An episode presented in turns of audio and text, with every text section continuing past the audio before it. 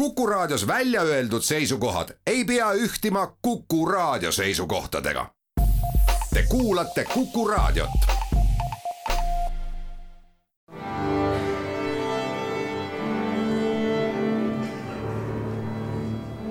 daamid ja härrad, Eesti Kontserdi saade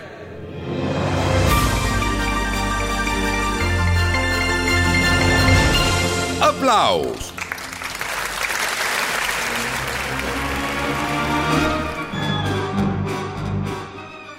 Maikuu keskel on muusikaelus huvitav aeg. Eesti Riiklik Sümfooniaorkester on pikemal kontserdireisil Suurbritannias, täna suundus sinna ka Eesti Rahvusmeeskoor.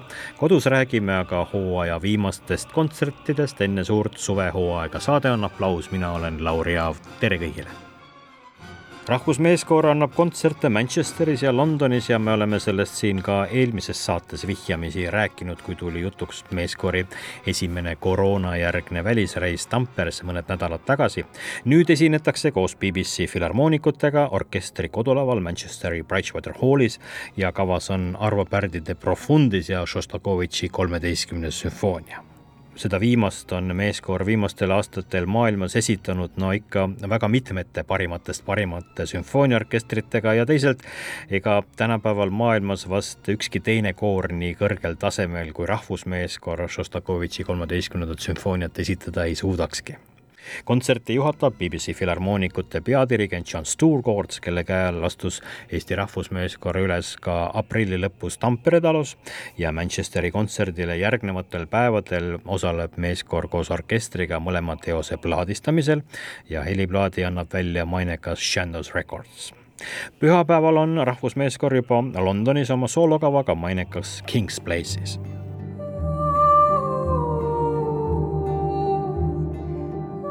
homme on Estonia kontserdisaali laval kell üheksa algaval öökontserdil Soome-Hollandi trio Aino Peldamaa, kes laulab ja mängib keskaegset harfi, Harmen Franje klaveril ja elektroonikal ja Mikko Pergola viola da gambal ja elektroonikal. öökontsert pealkirjaga Komorebi keskaegsetest meloodiatest inspireeritud unenäolised helimaastikud. Nad seilavad oma loomingus kaheteistkümnenda sajandi Hildegard von Bingeni, seitsmeteistkümnenda sajandi Perotinuse ja neljateistkümnenda sajandi palverännakute laulude tuules, lisades tagasihoidlikult improvisatsioonilisi osi ja viies kuulajad rännakule rahu ja sisemise tasakaalu poole kuna kogu trio jõuab Eestisse alles homme ehk siis kontserdipäeva hommikul, helistasin Aino Peltomaale Helsingisse ja küsisin alustuseks, et kuidas sellised rahvusvahelised triod üldse omavahel esimest korda kokku saavad, kas tänu juhusele või see on pikkade otsingute tulemus? Yeah, well, this is a sort of a, maybe a, a bit of a long story, but but um, I met see on võib-olla natukene pikem jutt, aga mind kutsuti kunagi siin Soomes kaasa tegema ühel kirikukontserdil. see oli täiesti teistsugune kontsert, selline osaluskontsert, kus inimesed lebavad patjadel ümber muusikute ja saavad huvi korral kaasa improviseerida. ma olin varem Mikko Pergolaga kohtunud, aga polnud kunagi koos mänginud ja sellest kontserdist sai nii palju inspiratsiooni, et mõtlesin teda kohe enda triosse kutsuda Harmen Franjaga oli teisiti, mul oli ta plaat, mis mulle väga meeldis ja mu oma vend soovitas mulle seda plaati, kes oli Harmeniga varem kokku puutunud ja siis ma küsisin oma vennalt, et kas sa tead Soomes kedagi, kes oskaks samamoodi mängida nagu Harmen. vend siis muidugi vastas, et, miks sa kohe otse Harmeniga ei räägi ja muidugi ma rääkisingi ja ta tuli kohe ja kuidagi suure õhinaga siia Soome ja siis me juba esimesel kohtumisel koos improviseerides tundus, nagu oleksime me kõik kolmekesi teineteist juba ammu tundnud ja meil hakkas see koostöö kohe klappima. nii see algaski. Hey, let's continue So that's how it began selles trios saavad kokku väga erinevad muusikalised maailmad, Harmony džässimaailm, Mikko on ka siin Eestis tuntud ja hinnatud vanamuusikaspetsialist. sa ise ühendad oma loomingus ja muusikas keskaegse muusika koos kaasaegse vaba improvisatsiooniga.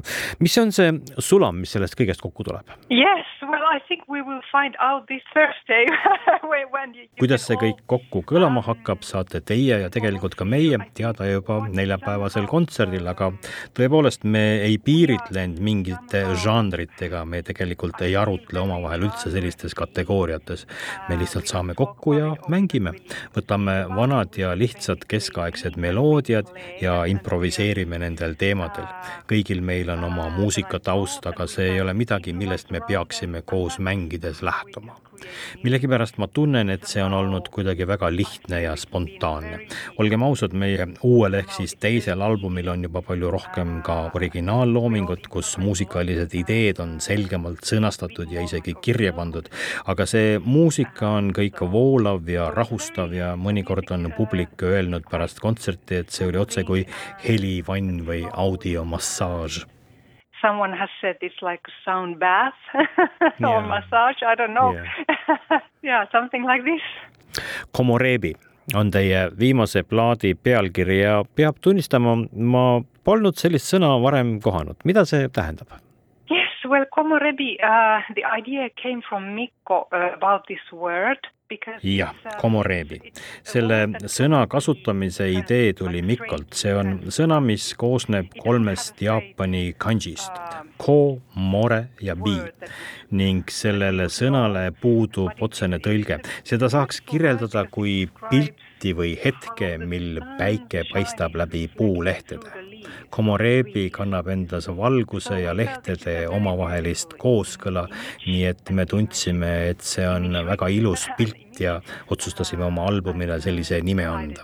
Mikol on albumil ka sellenimeline lugu ja eks ta ka üldiselt annab suuna minimalistliku Jaapani esteetika suunas, mis meile endile väga meeldib. So uh, this is, this is how, how it came Teie mõlemal plaadil, nii esimene, mille nimi oli Aer ja teine Komoreebi, on üks lugu. selle pealkiri on Unum ja see on salvestatud väga iseäralikul viisil. Yes, Well, it's it's it's nice the the second album's Unum two.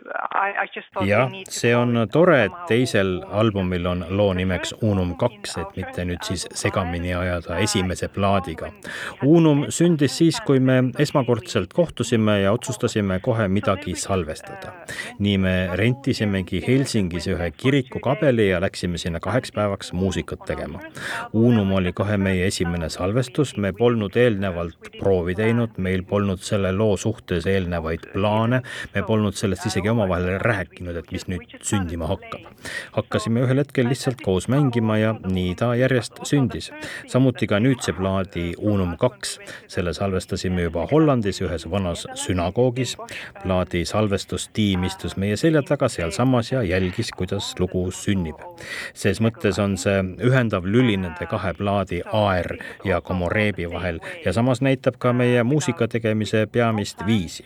kui Unum kontserdil ettekandele tuleb, tähendab see põhimõtteliselt seda, et mitte kunagi ei kõla see tänasel kontserdil nii, nagu ta kõlas eile, aga eks jah, mõlemas Unumis on tänaseks mõningad momendid, mille me oleme nüüdseks kokku leppinud, sest muidu ta ei oleks ju enam see lugu, aga üllatusmomente on selles loos loomulikult ka Te mitte ainult ei kombineeri oma kontsertidel kolme erinevat muusikalist maailma, vaid kombineerite ka akustilisi ja elektroonilisi helisid ja kõlasid.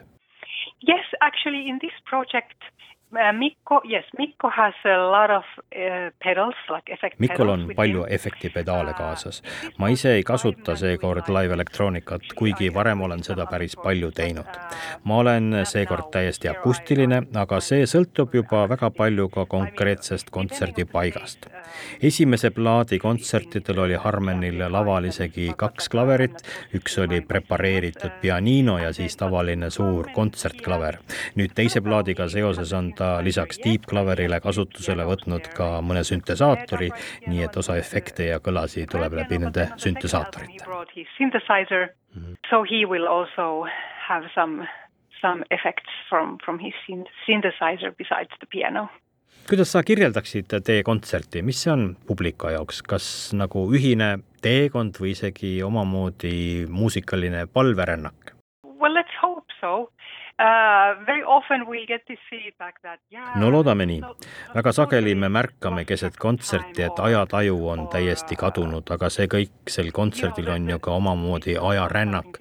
kui kohtud nende sajandite vanuste käsikirjade ja sealse muusikaga, siis üritad seda tuua tänasesse päeva. mitte ajalooliselt, nii nagu autentsed vanamuusikaansambrid seda teevad, vaid just seda sealsete nootide taga olevat vaimsust ja meeleseisundit tabada püüdes me mõnikord jah, laval kaotame ajataju kõike seda uurides ja siis pärast kontserti on kena saada publikult tagasisidet, et nemadki olid kontserdi jooksul aja ja ruumi mõistes kusagil mujal.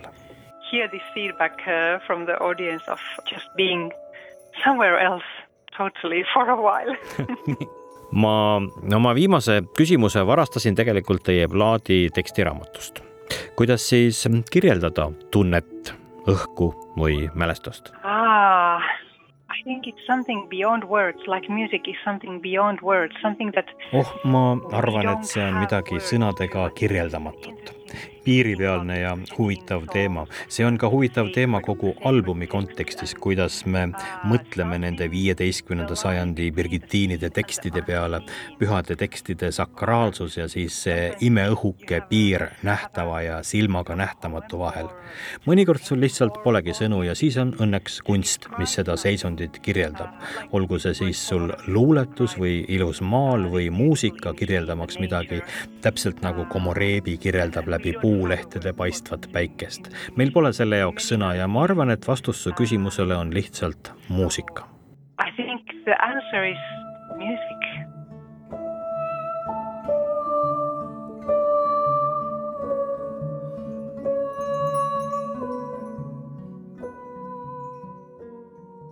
homme õhtul kell üheksa Estonia kontserdisaalis ja kotttoolides lebades sellist muusikat kuulates pole see kõik üldsegi mitte paha mõte Komorevi ja trio Peldoma Franje Pergola.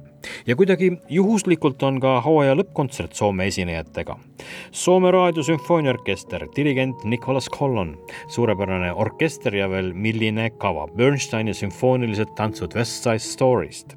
lisaks Weinbergi trompetikontsert ja Ravelli valss orkester, kes alustas oma hooaega varasügisel BBC Prompsil, maailma ühel võimsamal klassikalise muusika suursündmusel, lõpetab selle väärikalt Estonia kontserdisaalis laupäeval, kahekümne seitsmendal mail meie kohtume aga pärast sedagi kontserti veel siin ja räägime suvistest festivalidest. kõike paremat.